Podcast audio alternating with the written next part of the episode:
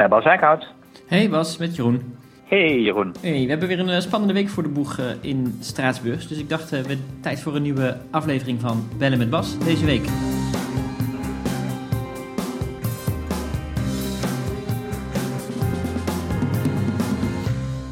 Ja, de, uh, nog geen vakantie hier.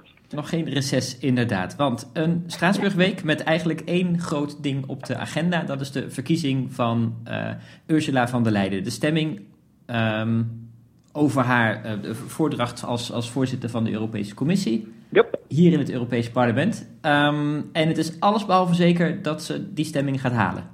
Ja, dat kun je wel zeggen. Ja. Nee, dit is nu de. Hè, de regeringsleiders hebben nogal lang zitten bakkeleien om tot een akkoord te komen. Maar uh, ja, in het akkoord, in het verdrag staat ook dat regeringsleiders met een kandidaat komen die ook de uitslag van de Europese verkiezingen zou moeten reflecteren. Nou ja, daar is het natuurlijk misgegaan. Ze hebben eigenlijk uh, met z'n 28 uh, was het een dusdanig moeilijk, moeilijk onderhandelingsspel dat ze, dat ze tot een, nou ja, tot een hoge kandidaat uit een hoge hoed kwamen. Waar eigenlijk het hele idee van Europese verkiezingen niet meer terug te zien is. Ja, en, en daar betalen ze nu de prijs voor. Want uh, uiteindelijk het Europees Parlement uh, moet, moet de voorzitter verkiezen na de voordracht van de regeringsleiders. Ja, dat staat deze week op de agenda, maar ja, haar meerderheid is verre van zeker. Terwijl als je, als je zou tellen, hè, bedoel, bij die, bij die Europese, uh, de Eurotop zeg maar, zitten partijen van de Christendemocraten, van de Liberalen en van de Sociaaldemocraten. Die drie partijen hebben een meerderheid ja. in het Europese parlement.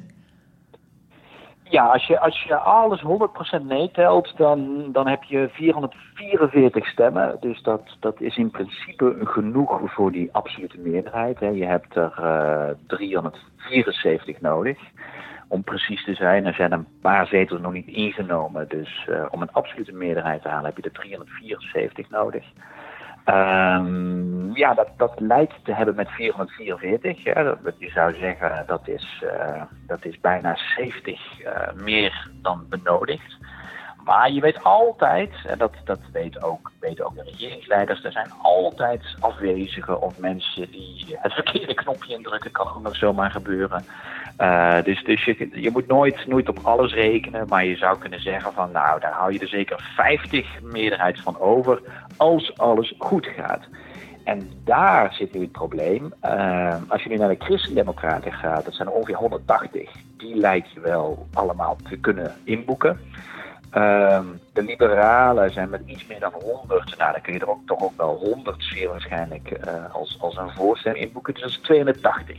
Ja, maar dat, wacht even, dat zijn, dat zijn dus de, de liberalen, dat is dus Renew Europe. Hè? We mogen geen liberalen meer van ze zeggen, want dat is die fractie van Macron met de oude liberalen. Uh, ja, ja, maar goed, alleen, alleen in Frankrijk mag je het geen liberalen noemen, omdat Macron uh, dan bang is dat het niet lekker bekt in, uh, in, in, in Frankrijk. Maar tegelijkertijd, het is nog gewoon de liberale fractie die we kennen met VVD en D66 en Duitse FDP of de Engelse Lib Dems. Dus het, het zijn gewoon liberalen. Dus ik zou toch in, in de Nederlandse context kunnen, denk ik, gewoon liberalen noemen. Dan noem het Renew zodra we in Frankrijk zijn. Dus, uh, maar goed, die, die zullen waarschijnlijk ook 100 stemmen leveren. Dus dan, nou ja, dan, dan heeft Van der Leyen heeft er nog 100 nodig. Dat, dat is eigenlijk een beetje wat iedereen al zo berekent. Van oké, je hebt nog 100 stemmen nodig buiten die twee fracties. Dus dan gaat iedereen nu kijken naar de Sociaaldemocraten. En daar uh, ja, is, is, is het echt aan rommelen. En terecht, denk ik. Ten eerste uh, is er nog heel veel chagrijn bij de Sociaaldemocraten dat uh, nou ja, de spitsenkandidaat van de Sociaaldemocraten, Timmermans, eigenlijk zo, zo ongelooflijk hard is afgestraft uh, door de Christendemocraten. Hè, want dat er verzet zou zijn uit Hongarije en Polen, dat wisten we wel. Maar uiteindelijk heeft Timmermans het verloren op verzet in in de kleinere christendemocratische regeringspartijen. Dus de, de Ieren, de, de Letten, dat, op dat niveau, daar, de Bulgaren, daar, daar zaten de problemen. Uh, dus dus nou, daar is veel chagrijn over. Maar ook wel ja, inhoudelijk, van der Leyen ja, is, is uitermate zwak. En uh, vorige week is ze naar het Europees Parlement, naar de verschillende fracties gekomen om de om toch een meerderheid te proberen te krijgen. En, en ja, haar optreden in die fracties, zelfs, zelfs de, de partijen die weten dat ze voor haar moeten stemmen vanuit de regeringen, uh, ja, zelfs daar was er gewoon veel chagrijn over de zwakte van de kandidaat.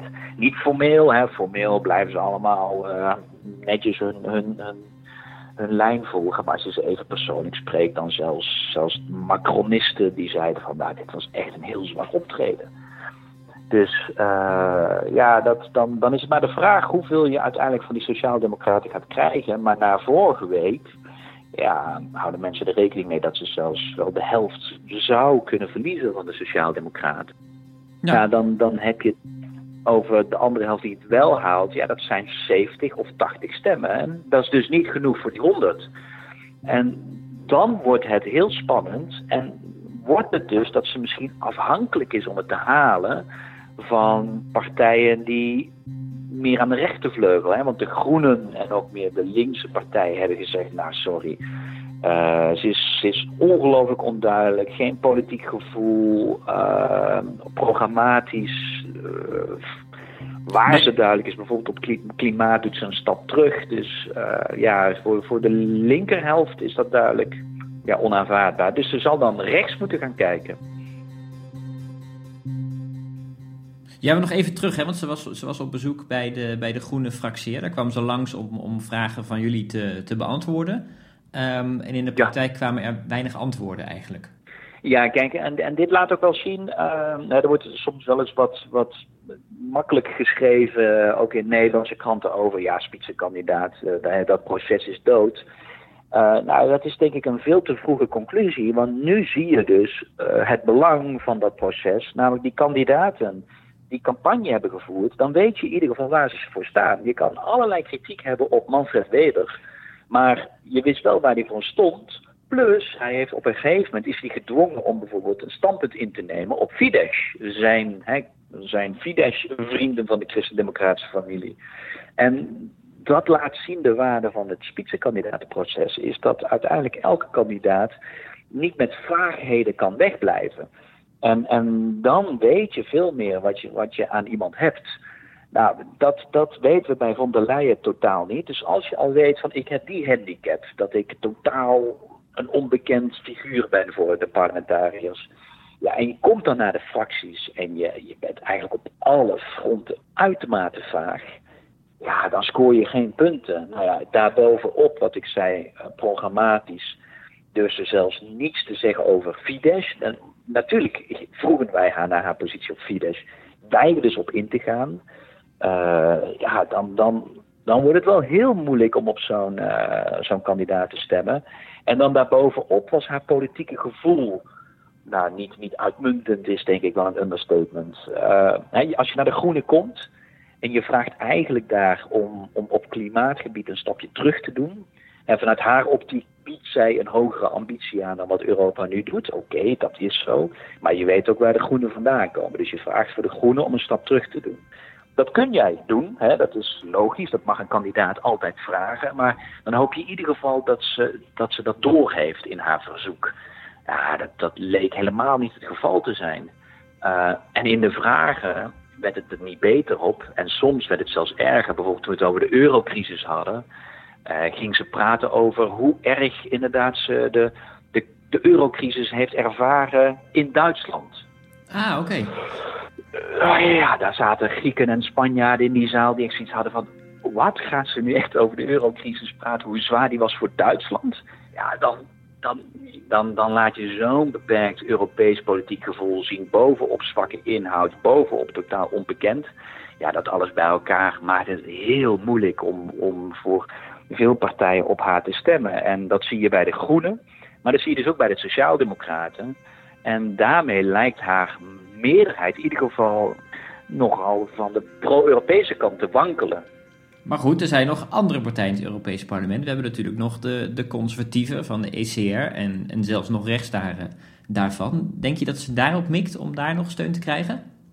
Dat is nu een beetje de grote vraag. En, en dat wordt natuurlijk ook een gevaarlijk spel. Want hoe meer zij duidelijk gaat vissen naar stemmen van bijvoorbeeld de, Poolse regeringspartij, hè, de PIS-partij van Kaczynski, hoe meer ze daar naartoe aan het vissen is, ja, hoe moeilijker het weer wordt voor liberalen. Die daar altijd een soort, nou ja, je kent Verhofstadt, die altijd uitblinkt in prachtige zinnen. Vervolgens politiek daar weinig mee doet. Maar uh, in ieder geval in zijn retoriek heeft hij daar altijd een groot punt van gemaakt. Ja, als von der Leyen nu te opzichtig gaat hengelen naar stemmen van de Kaczynski-partij, ja, dan wordt het weer moeilijk aan de, aan de liberale kant om aan te blijven steunen. Dus dit is een heel gevaarlijk spel voor haar geworden. En um, ja, morgen gaat ze in de plenaire zaal nog één keer een verhaal houden om, om uh, ja, een meerderheid proberen binnen te halen. Maar eigenlijk zou zo'n laatste dag, zo'n laatste toespraak er niet meer toe moeten doen, omdat je wel een beetje weet hoe het gaat worden. Maar de stemming lijkt morgen echt nog heel spannend te worden. En als ze te zwak is, omdat ze de rechtervleugel niet van zich durft te vervreemden, en dan loopt ze weer, ze weer risico aan de progressieve kant. Uh, en vice versa. Dus, dus het, is een, het is een heel dun draadje waar ze over moet gaan lopen. Uh, en, en heel eerlijk gezegd, ik, ik weet het zelf ook niet. Hè. Normaal weet je wel een beetje waar het parlement heen gaat. Het is een nieuw parlement, het nog redelijk onbetrouwbaar. Het is een geheime stemming, dus je kan ook niet iedereen vertrouwen op wat ze zeggen. Maar uh, kijk, ik denk uiteindelijk nog steeds dat ze het niet kan halen. Maar ja, als de toespraak morgen een beetje slecht is, kan ze dat zo vers, vers, verspillen. Ja, precies. En dat debat begint om, uh, om 9 uur s ochtends. Dat is natuurlijk ook gewoon online ja. te volgen. De stemming is dan om, ja. uh, om 6 uur s avonds. Dus daar zit ook wel na het debat nog tijd voor wat, wat achterkamertje overleg in. Ja, wat je, wat je morgen gaat zien is inderdaad een ochtend gewoon in de plenaire. Nou, ik raad iedereen aan die een beetje van politiek houdt om dat te volgen. Want dan gaat het echt om de kleine woorden en de reacties van de verschillende fracties en hoe ze zich daarin gaat opstellen. Dus dat is een debat dat een hele ochtend zal duren. En daarna zal het nog urenlang uh, ja, heel veel, veel laatste overlegjes zijn. En uh, dan is de stemming om zes uur. Ja, dan moet ze gewoon de aantallen bij elkaar hebben. Want anders uh, ja, wordt de kandidaat van de raad weggestemd. Kan ja. gewoon gebeuren morgen. Nou, laatste vraag nog even. Ik las in de, in de kranten dat dat een horrorscenario zou zijn als ze wordt wegge, weggestemd. Uh, de, zijn we gedoemd met z'n ja. allen? Of, uh...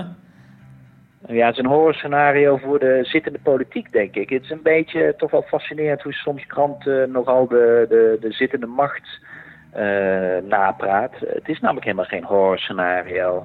Ja, het is een horrorscenario voor de regeringsleiders, omdat die dachten dat als wij met ons 28, waar we het heel moeilijk hebben, als wij eruit komen met ons 28 zonder naar de buitenwereld te kijken, ja, dan, dan zijn we eruit. Ja, nu, nu komen ze erachter dat er ook nog een democratisch verkozen parlement is, dat er ja, gewoon nieuwe, nieuwe verhoudingen zijn na de verkiezingen. De, volgens mij heeft de kiezer gesproken in mei. Uh, dit hadden regeringsleiders moeten weten. Uh, dat zij deze gok hebben genomen omdat ze er zelf niet meer uitkwamen, was hun gok. Ja, als dat, als dat uh, misgaat, ja, dan, dan moeten, zijn zij weer aan zet. En raad ik ze aan toch eens een keer met een, een uh, wat betere kandidaat te komen. Maar ook even hand in eigen boezem. Ik hoop dat in het Europees Parlement dan ook met name de fracties die tot nu toe vooral wisten wat ze niet wilden, hè, met name liberalen en sociaaldemocraten wilde vooral, de, wilde vooral Weber niet en de christendemocraten Dylan Timmermans niet.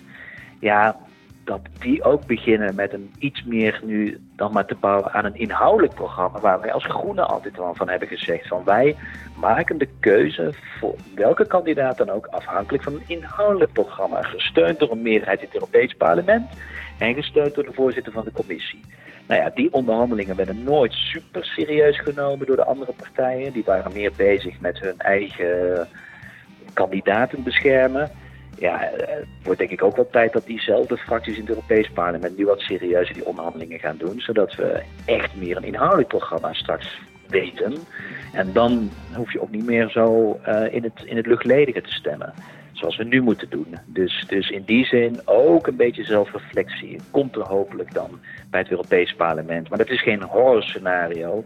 Dat is gewoon het volwassen worden van Europese politiek. En ik denk dat we daar in hoog tempo weer uh, stappen in zetten op dit moment. Oké, nou goed, we, we gaan het uh, zien. Um, dinsdagavond sowieso. Als het nou niet haalt, dan zijn er dus inderdaad uh, 30 dagen voor de, voor de Europese regeringsleiders met een nieuwe kandidaat te komen. Maar dat betekent dat jullie dan nog uh, een tijdje door moeten in het parlement om misschien met dat inhoudelijke programma aan de slag te gaan. Ja, wat mij betreft betekent dat wij dan dus uh, tijd hebben om het inhoudelijk programma verder vorm te geven, zodat de nieuwe kandidaat weet waar die zich aan gaat committeren. En dan zal er in september een stemming zijn. Ja, we hebben vaker in september gestemd over kandidaten voor de Europese Commissie, voorzitters voor de Europese Commissie. Dus, dus uh, geen horrorscenario, alleen uh, iets minder vakantie. Nou, dat moet wel, moet wel goed komen volgens mij. Maar we gaan eerst even de stemming afwachten en dan spreek ik je vast daarna wel weer. Is goed. Ja, het, het, wordt spannend. Ik, ja, ik gok nog steeds op dat ze het wel redt, maar wie weet. Morgenochtend vooral kijken bij haar toespraak wat het wordt. Gaan we doen. Dankjewel Bas. Alright, tot de volgende keer. Doeg.